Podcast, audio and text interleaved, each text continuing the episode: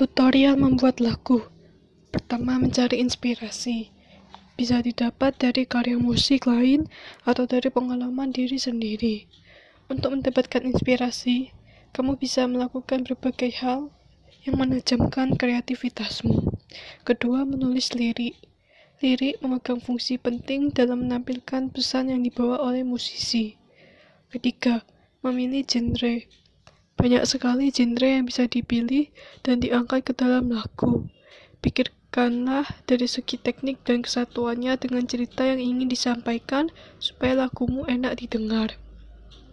Ini adalah salah satu step yang paling penting dalam cara membuat lagu. Keempat, menentukan struktur lagu.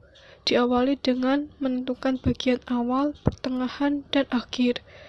Berapa banyak verse yang ingin kamu buat, bagaimana bridge-nya, chorus, hingga memilih jenis penutup lagunya. Kelima, membuat nada. Dengan menentukan nada dasar, kamu bisa tahu jangkauan nada yang ingin kamu mainkan.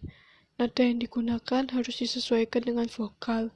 Carilah nada dasar yang membuatmu rileks dan mudah dinyanyikan. Setelah itu, kamu bisa menentukan nada-nada di lagumu sesuai dengan lirik yang telah dibuat. Buatlah dinamika supaya lagumu terdengar hidup dan tidak membosankan. Keenam, rekam dan upload. Rekamlah lagu yang sudah kamu buat, lalu kamu bisa bagikan ke teman-temanmu dan minta pendapat mereka.